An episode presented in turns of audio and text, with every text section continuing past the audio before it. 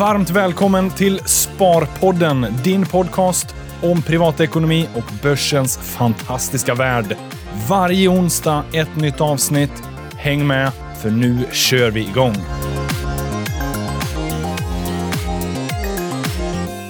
Hjärtligt välkomna! Sparpodden avsnitt 253 med mig, Alexander Gustafsson och Joakim Bornold. Sparekonom på Nordnet. ja. Och vi befinner ju oss på lite okänd mark, tänkte jag säga.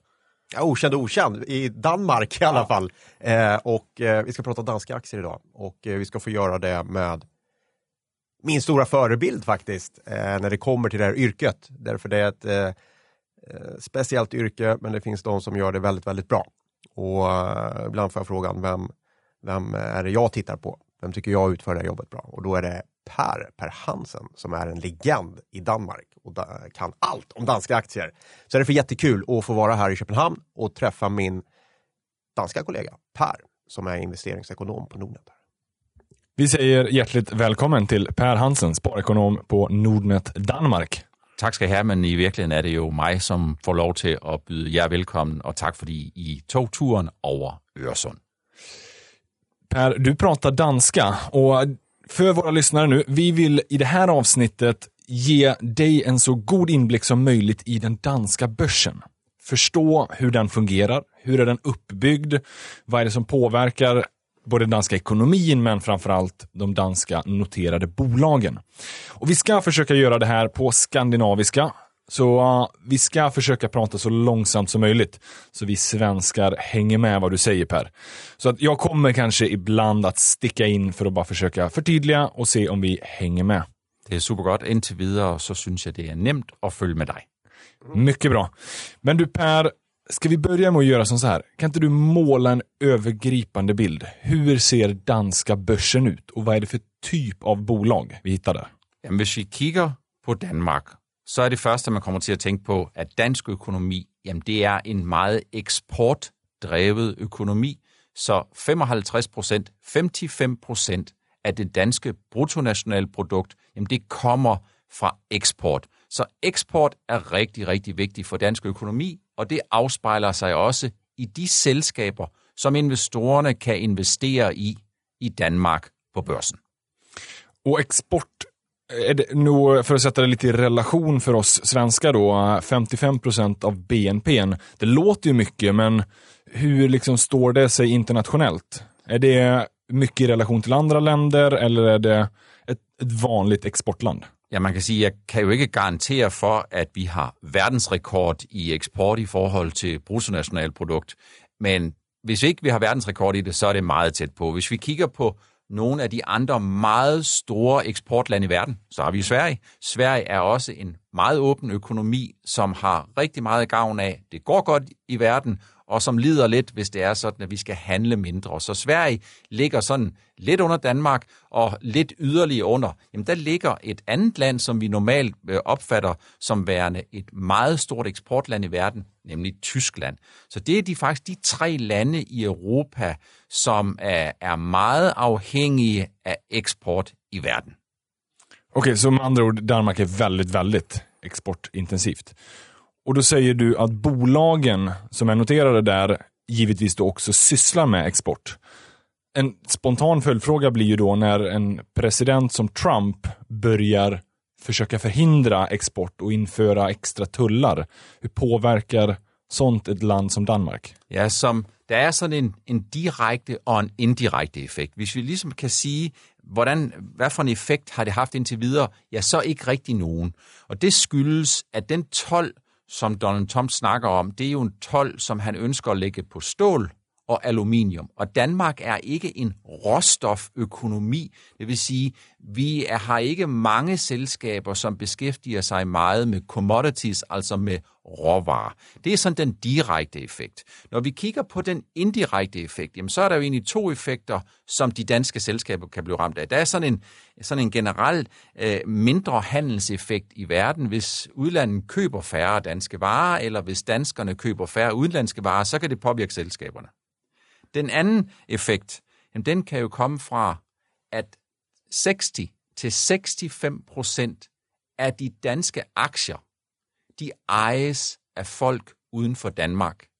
Og hvis udenlandske investorer bliver nervøse for, at man skal handle mindre i verden, jamen så har vi jo en situation, hvor risikopræmien rammer selskabernes aktiekurser. Så att jag bara hängde med där. Så du 65% av danska börsen ägs av utländska investerare? Ja, Ja. i størrelsesorden 60 til 65 procent. Det varierer lidt afhængig af, hvad det er for nogle af de store selskaber, vi kigger på. Ja. Och har, har man börjat märka då att de ser eller kanske försöker dra ut pengar, eller åtminstone så här, precis som du säger, riskpremien ökar i Danmark. Man blir kanske mer negativt inställd mot den danska ekonomin på grund av att den är så exportberoende. Men har det börjat realiseras sen? Har utländska investerare börjat blicka på andra länder istället? Nej, det har de faktiskt ikke indtil videre. Hvis vi kigger på år til dato, jamen så er det sådan, at de danske aktier er faldet med halvanden procent, 1,5 procent. Men det er desværre ikke noget specielt for Danmark. Det er jo sådan et lidt et Europa-fænomen, hvor man ligesom kan sige, at hvis man kigger på sådan tre større regioner, jamen så har Europa haft svært ved at følge den positive udvikling.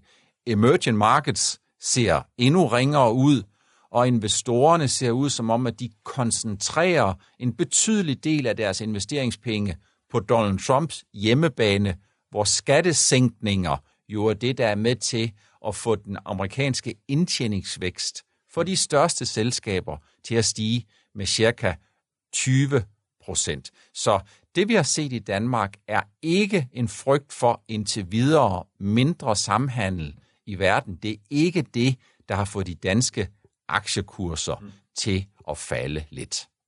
Okej. Men berätta gärna lite för oss, vad, vad är det för typ av eh, bolag? Vilka är de största bolagen och hur, hur ser de ut på börsen? För det gör det kanske lite intressant för svenska också att investera i Danmark. För den danska börsen ser ganska annorlunda ut mot den svenska. Eh, där vi har stora, stora, tunga industribolag. Eh, men här hittar man någonting annat. Och det är inte så korrelerat, eh, den danska och den svenska börsen, vilket gör det ganska intressant. Ja, man kan sige, at hvis vi skal prøve at kigge på overskriften på de danske selskaber, jamen så er der øh, ikke så meget inden for råstof, det er ikke så meget inden for traditionel industri, øh, hvis man kan kigge det på den måde. Hovedparten af de danske selskaber, det er selskaber, som er markedsledende inden for deres nischer, og det skal vi nok komme lidt tilbage til. Det største selskab i Danmark, det er jo Novo Nordisk, og det kan man faktisk godt kalde en markedsleder inden for deres niche. Nu hedder deres niche bare diabetes.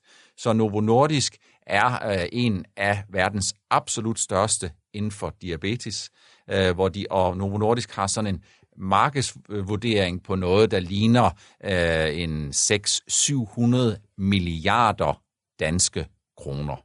Men der er også en lang række andre selskaber, som ligger nede under det, og hvis jeg bare må nævne nogle af dem, for at vise, hvordan børsen ser ud, jamen så er det jo sådan noget som AP Møller Mærsk, som sejler containere rundt. Ja. Der er noget som Danske Bank, men der er måske også nogle selskaber, som øh, svenskerne ikke kender så meget. Der kan være noget, der hedder Ørsted, Dong Energy, øh, verdens ledende inden for havvind, altså renewable energy, hvor man høster vinden rundt omkring. Der er Ørsted har transformeret sig selv fra et traditionelt energiselskab med distribution til nu at være verdens største på havvind med en markedsværdi på 25 milliarder, 25 milliarder euro. Bare ligesom for at give jer perspektivet mm. på de her ting. Så det är bara nogle af de selskaber, der findes ja. i Danmark. Ja, men det låter som att det är väldigt mycket specialister och marknadsledare. Eh, som sagt, Novo Nordisk är väl fortfarande Nordens största bolag vad kommer till börsvärde åtminstone. Ja, det er, tror jeg faktisk godt, jeg tør sige, i særklasse det selskab, som har den højeste mm. markedsværdi blandt de nordiske selskaber. Och det är ofta de som är populära bland våra svenska investerare. Novo Nordisk Pandora nämnde du aldrig, men det är också en ganska eh, populär. Dong har väl blivit lite mer och mer eh, handlad bland våra svenska investerare. Men om man kollar lite längre ner i börslistorna, vad, vad finns det mer för typ av bolag? Ja. Vet du på rak arm hur många noterade bolag det finns i Danmark? Det ved jeg faktisk, jeg ved jeg faktisk ikke, men jeg tror, hvis man sådan ligesom skal sige, hvor det er investorerne, de koncentrerer ja. deres investeringer, så er det på sådan de, de 35-40 største danske selskaber. Det er der, hvor, hvor hovedparten af investorerne, ja. de investerer. Men hvis jeg skal prøve at give et par yderligere navne, så kan det jo godt være nogen, som har hørt om Vestas. Mm. Øh, der kan være nogen, der har hørt om F.L. Schmidt. Du nævnte selv Pandora. Pandora er en meget stor trading-aktie øh, i Danmark. Øh, Pandora har de sidste en til to uger, til to år, undskyld, ikke leveret noget særligt godt afkast, for nu bare at sige det meget mildt. Aktiekursen er faldet med 50 procent mm. Øh, fra toppen. Så det er en aktie, som handles meget, meget flittigt okay. i Danmark. Vi ska komma tillbaka lite till hur handelsmönster, vilka typer av investerare. Men jag måste bara kolla med dig, för jag har fått känslan av att det finns väldigt många noterade fotbollslag i Danmark. Stämmer det? Ja, det tror jag. Och, och vad, finns, vad är anledningen till att många fotbolls, danska fotbollslag börsnoteras? Eh, spontant bara om du har någon koll. Eh, Jeg ved faktisk ikke, hvad der er den bagvedliggende årsag til, at man i Danmark har flere noterede selskaber på børsen, end man har andre steder. Man kan sige, det er jo sådan, når vi kigger på øh, fodboldklubber, så er det jo et af de steder, hvor investorerne om mandagen kan reagere på søndagens resultater. Bliver det 2-1, så er investorerne glade. Bliver det 1-2, så er de knap så glade. Og man kan bare sige, langsigtet, så er det rigtig, rigtig svært, skråstreg, næsten umuligt at tjene penge på fodboldklubber, og det er fordi, man kan jo ikke vide, om det bliver 1-2, eller det bliver 2-1. Og det er også sådan, at der mm. er meget, meget sjældent penge tilbage på lang sigt til investorerne, fordi fodboldklubber, de laver ikke share buybacks. De udbetaler ikke dividends. De giver måske uh, en kop på langsiden til publikken, men der, der bliver ikke rigtig noget tilbage til investorerne. Så eh, ett litet varningens finger för investerarna kanske. Eh, var väl påläst innan du investerar i fotbollslag. Ja, jeg tror, fodbold handler meget om underholdning, men øh, der er jo ikke nogen grund til sådan bare per definition at smide sine penge ud af vinduet, mens du har det sjovt. Nej. Men om vi ska komma tillbaka lite till hur handeln ser ut på danska börsen är det väldigt mycket privatpersoner som handlar kortsiktigt? Eller eh, är det vanligt att man tradar som individer? Eller är de flesta långsiktiga, långsiktiga investerare? Har du någon känsla för hur, hur mönstren ser ut på börsen? Jag tror, vi har en god blanding mellem kortsigtet trading og langsigtet akkumulering af øh, de penge, som man investerer i aktiemarkedet. Det er sådan, at det, der skaber overskrifterne, det, der skaber the headlines, det er jo noget, der bevæger sig meget. Så vi hører meget ofte måske om en XBT-tracker i Bitcoin, som handles jo i Stockholm. Ja. Uh, vi hører om en Ethereum, som har faldet med 80 procent indtil videre mm. i år. Men det er ikke the backbone i depoterne. Det er ikke dem, der udgør ryggraden flertallet af, investeringerne. Så der er en stor forskel mellem det, du hører meget om, det, der bevæger sig meget, det, man handler meget i inden for dagen, eller inden for ugen, eller med en meget kort investeringshorisont, og så det, der langsigtet for alvor skal være med til at give de gode afkast. Og det er mm. der, hvor investorerne, de er altså, hvis jeg bare må nævne, de fem selskaber, som hos Nordnet uh, investorerne har investeret flest penge i, så er der ingen over og ingen ved siden af Novo Nordisk. Det er by far den største. Novo Nordisk er 20-25 procent af Danish market cap, ja. så det er ikke så mærkeligt.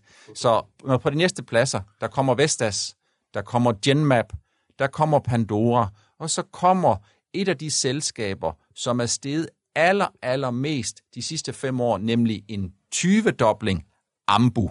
Det er den femte mest eget aktieposition blandt de danske private investorer i Danmark hos Nordnet. Men berätta lite, den sista där, femte. Vad sysslar det bolaget med? Jamen, øh, Ambu er øh, et medikoselskab, som i 2013-2014 øh, havde en aktiepris, som var en 20. del af, hvor vi er i dag, men som via opkøb og via organisk vækst mm. har fået investorerne med ud på en rejse, hvor man prissætter Ambu til mere end 100 gange 2019 forventet indtjening. Oj, väldigt hög värdering med andra ord. Meget høj Ja. vurdering. De har stort set ikke leveret nogen fejltagelser de sidste 3-4 år. Øh, Det er ikke fordi, de vokser jættemykke, de vokser måske 10-15 procent, mm. men investorernes tro på, at de kan give et fænomenalt fremadrettet afkast, den er bare meget, meget høj. Okej. Och Det där är intressant. Eh, för den aktien har uppenbarligen gått upp mycket och har nu en hög värdering. På svenska börsen så har vi ju, framförallt de senaste åren, sett väldigt många sådana där typer av spekulationsbubblor. Eh, Man kanske hört talas om Fingerprint som steg enormt mycket. Vi har haft en bitcoin-hås. Sen har vi haft många mindre bolag som bara helt plötsligt börjar stiga flera hundra procent på enskilda dagar. Händer det där i Danmark också? De här kraftiga spekulationsbubblorna. Ja, det gør det, men jeg tror ikke, at det er sket i helt samme omfang, så det som I ser øh, i Sverige. Så der er nogle enkelte selskaber, som have, have gone through the roof, øh, men der, hvor vi egentlig har set, at øh, vi ser en meget høj vurdering, jamen det er faktisk på nogle af de rigtig store selskaber. Og grunden til det er måske ikke så meget spekulation, men det er mere, at når du er hver markedsleder inden for dine nischer, som Ambu er, eller som en række andre selskaber, som kan være William Demang Holding, som er øh, hearing aid, hvad hedder det på svensk, høreapparater. Øh, prata. vi har jo vi har en verdensledende stilling i Danmark. Øh, Vi har tre, fire globale ledere inden for høreapparater. GN Store Nord, så- hvor, hvor mere end halvdelen af deres forretning er høreapparater. William Demang, høreapparater. Videx, det er ikke et børsnoteret selskab, også markedsleder på høreapparater. Så vi har sådan nogle steder, hvor globale investorer siger, vi skal have en eksponering mod høreapparater. Hvor er det, vi køber det? Det køber vi i Danmark, fordi der har man sådan en klynge, man har sådan en samling af selskaber, hvor man har sådan noget best in class inden for høreapparater. Men vi har også nogle andre steder, hvor, hvor, hvor de her ting de gør sig gældende. Så overordnet set, en række af de danske aktier, de kommer ud på en liste, der hedder, at danske aktier er meget, meget, meget højt vurderet. Det er rigtig vigtigt at vide omkring, øh, omkring de større danske aktier. De er meget højt vurderet, fordi blandt andet, at de over tid har leveret nogle fremragende afkast. Og det er jo der, gør du det godt over lange perioder, så kører risikopræmien, den kører ned. Mm. Og så kører lysten til at betale en mere pris, en højere pris, den kører op.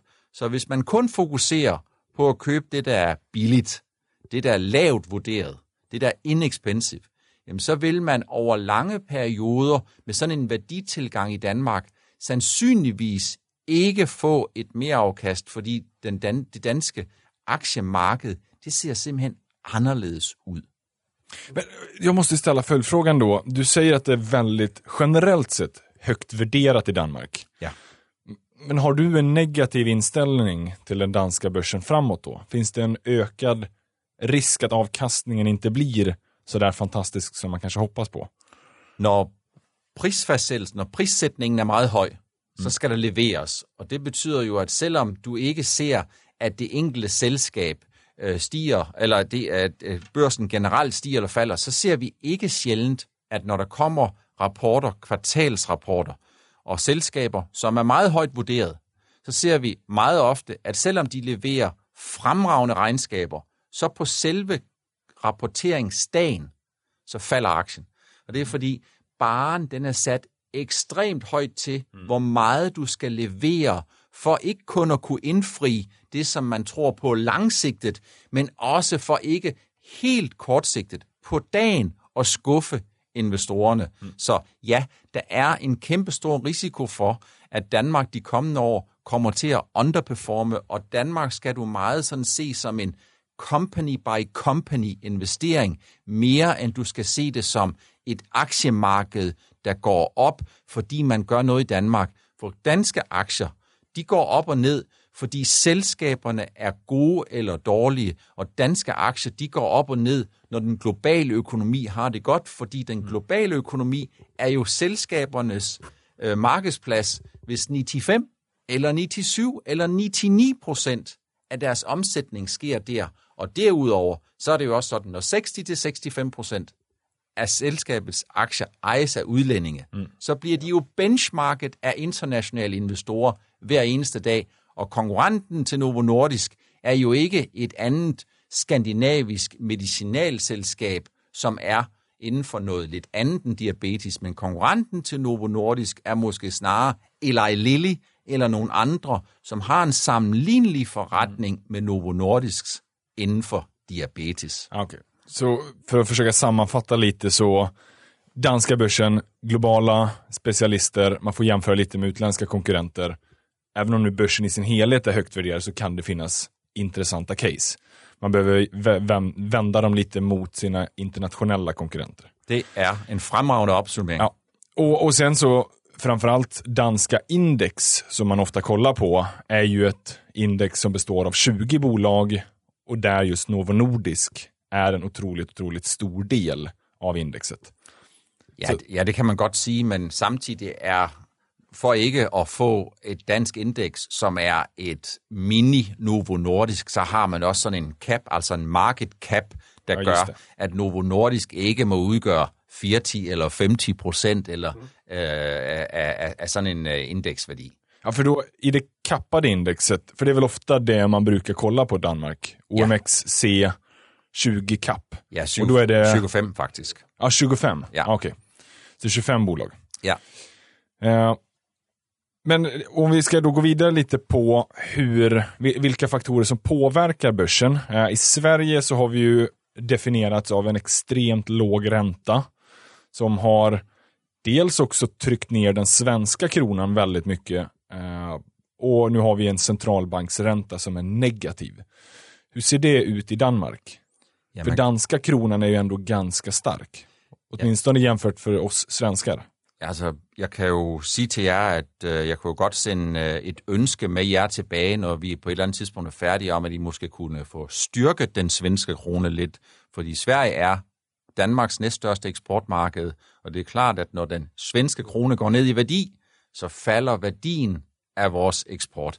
Men hvis du ligesom skal prøve at kigge på rentesituationen, mm. og det er jo det, som jeg hører, du siger, så var Danmark de første i Europa måske efter Schweiz, det kan jeg ikke helt huske, men de var de første i, hvad skal man sige, i kontinental Europa, som indførte negativ rente. Ja. Og det gjorde man, fordi øh, der var et spekulativt pres mod kronen, og, og det her spekulativt pres, hvor kommer det fra? Det kommer fra, at vi har, øh, vi står uden for euroen, og vi har så stort et overskud på betalingsbalancens løbende poster, current account, på 7-8% af BNP. Og hvad betyder det? Det betyder, at money flows ind. Mm. Hvor store eksportvirksomheder sælger varer i udlandet, så kommer der kapital ind til Danmark, fordi vi har det her store betalingsbalanceoverskud mod udlandet på noget, der ligner 25 milliarder euro.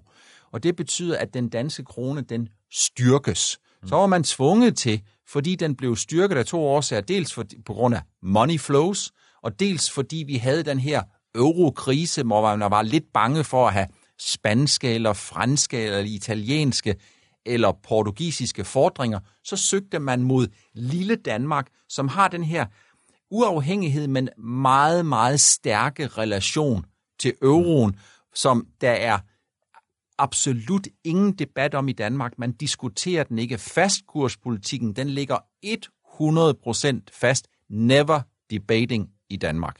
Så lave renter har helt sikkert betydet, øh, at prisfastsættelsen af aktierne, valuation, den er gået meget op som en konsekvens af, at hvis du har nogle penge, du skal placere, så kan det faktisk godt være, ikke hos Nordnet, men hos nogle af forretningsbankerne, at du kommer til at betale for at have penge stående mm. i banken. Og det er der ikke så mange, og især ikke så mange private investorer, som synes godt om, når du kommer ind og sætter 200.000 kroner ind, så bliver du bedt om lige at betale lidt ved kassen.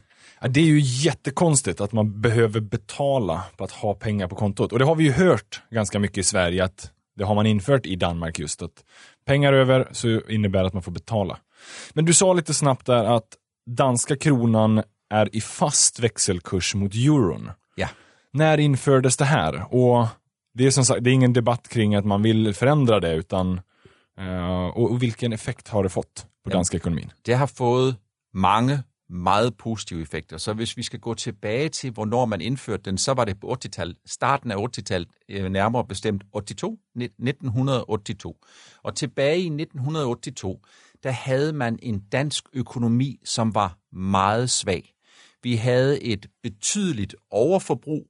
Vi eksporterede en del, men vi købte mange flere svenske biler og alle mulige andre ting i udlandet. Vi havde med andre ord et betalingsbalanceunderskud på noget, der ligner 6-8 procent i forhold til BNP, altså den fuldstændig modsatte vej af, hvor vi er i dag. Så blev politikerne enige om, at hvis man ikke gjorde noget, så ville den danske økonomi, det ville være en økonomi, der bare faldt i afgrunden, og det ønskede man ikke. Så sagde man, vi knytter den danske krone til en kurv af valutaer. Dengang havde man jo ikke euroen, men en kurv af, af europæiske valutaer. Og siden dengang har man ikke debatteret det. Og hvad har det så betydet? Det har betydet, at man i Danmark har en meget klar øh, disciplinering af den offentlige økonomi. Det vil sige, never say never again. Vi skal ikke ud i en situation, hvor vi bruger mange flere penge over for udlandet, end vi får ind. Så vekselkursen i forhold til euroen, den ligger helt fast. Det diskuteres ikke, og det har disciplineret politikerne. Hvis jeg må prøve at give et par eksempler på det, så har man jo også talt meget om i Danmark, øh, hvornår, der skal være, hvornår man skal på pension, tilbagetrækningsreformer. Jeg ved ikke, hvor meget man snakker om det i Sverige. I Sydeuropa, der snakker man meget om det. I Danmark, der snakker man en del om det, og man får tingene vedtaget med det samme. Politikerne er officielt meget uenige. Tre-fire måneder senere, et done. Man diskuterer det, og man får det til at virke. Så vekselkurs i Danmark, når man diskuterer det, handler primært om danske kroner i forhold til US dollar. For US dollar er en meget stor faktureringsvaluta, både for dansk økonomi, men jo især også for en lang række selskaber af de store, som sælger mere øh, i øh, som sælger ma- rigtig meget i USA. Og det er for eksempel Novo Nordisk, det er for eksempel øh, Coloplast, Novozymes, nogle andre af de her nicheforretninger.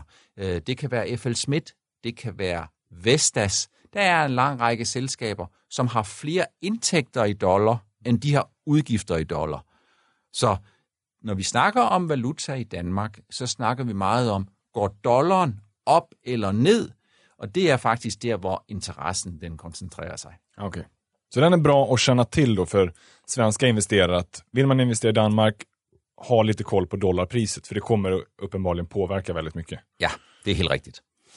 Om vi ska bara avslutningsvis försöka summera lite till våra lyssnare och ge med dem så mycket tips som möjligt om man vill utforska den danska börsen. Så det man hittar är väldigt mycket marknadsledare, eh, nischer. Det finns, man kan inte liksom dra en bred pensel och säga att så här ser danska börsen ut, utan väldigt många olika typer av bolag och man behöver ställa dem i relation till sina internationella konkurrenter. Eh, det är inte som i Sverige där vi har väldigt mycket industri och väldigt mycket bank, utan den är mycket mer spridd. Ja, altså man kan sige, hvis jeg lige skal opsummere, vi har stort overskud på betalingsbalancen, vi er en åben økonomi, vi ejes for 60-65 procent af udenlandske investorer. Mm. Udenlandske investorer har generelt mere trading og en meget, meget mere kortsigtet tilgang mm til markedet. Og det betyder, at de danske aktier ikke sjældent, de flyver op og de flyver ned. For når vi kigger på de udenlandske investorer, så kigger de mindre på, om de på dagen, om de der sælger lidt for dyrt eller mm. lidt for billigt, eller de køber lidt for dyrt eller lidt for billigt. De har måske på den måde nogle ordre, der skal udføres i Danmark, og så betyder prisen mindre. Og så en ting mere, som også betyder noget. Shorting er blevet noget, som sådan for alvor har grebet om sig i Danmark. Ikke fordi danske investorer shorter meget mere, men fordi de udenlandske investorer, de shorter meget mere. Og de, deres shorting, altså de sælger aktier, som de låner for at mm. kunne købe dem tilbage på et lavere prisniveau, jamen det har taget et helt andet omfang de sidste øh, et til to år. Det är ju intressant. Okay, det, alltså väldigt många fler investerare shortar, går kort på ja. olika aktier. Vilka är de mest blankade då? För det är så vi kallar det för i Sverige. Jamen, hvis man kigger på det, så er det ligesom, hvis du har øh, en løveflok, lions, du har tusind løver, så finder de, når de øh, løber ud på savannen, så finder de de svage dyr i flokken, så isolerer de dem, mm. og så er det der, de går kort. Så de sidder og kigger på, hvad er det for nogle selskaber, som kommer ud og laver profit warnings. Okay. For når der kommer profit warnings, så kommer der negative indtjeningsrevisioner, og så kommer du short. Og hvor har det været? Det har været i Pandora. Pandora har været 6-10% foreign shorting inden for det sidste år. Mm. Og når man kigger på det, jamen det er jo sådan set ikke anderledes, end hvis I sidder og kigger på, at når der har været negative indtjeningsrevisioner i Hennes og Maurits, så går kursen ned. Mm. Og så er der sikkert også der nogen, som ligesom siger, Hennes og Maurits, det er den perfekte shorting-aktie. Det er et selskab, hvor indtjeningsforventningerne går ned, og der er abundant liquidity. Mm. Så vi kan både komme ind, og vi kan komme ud. Og derfor så er der sådan måske en 5-6 danske aktier, hvor man har koncentreret sin, sin shorting-aktivitet sin, sin, og gå kort. Og det er altså selskaber, som har oplevet en negativ indtjeningsudvikling, og man er på den måde mm. blevet mere sårbar. Ja.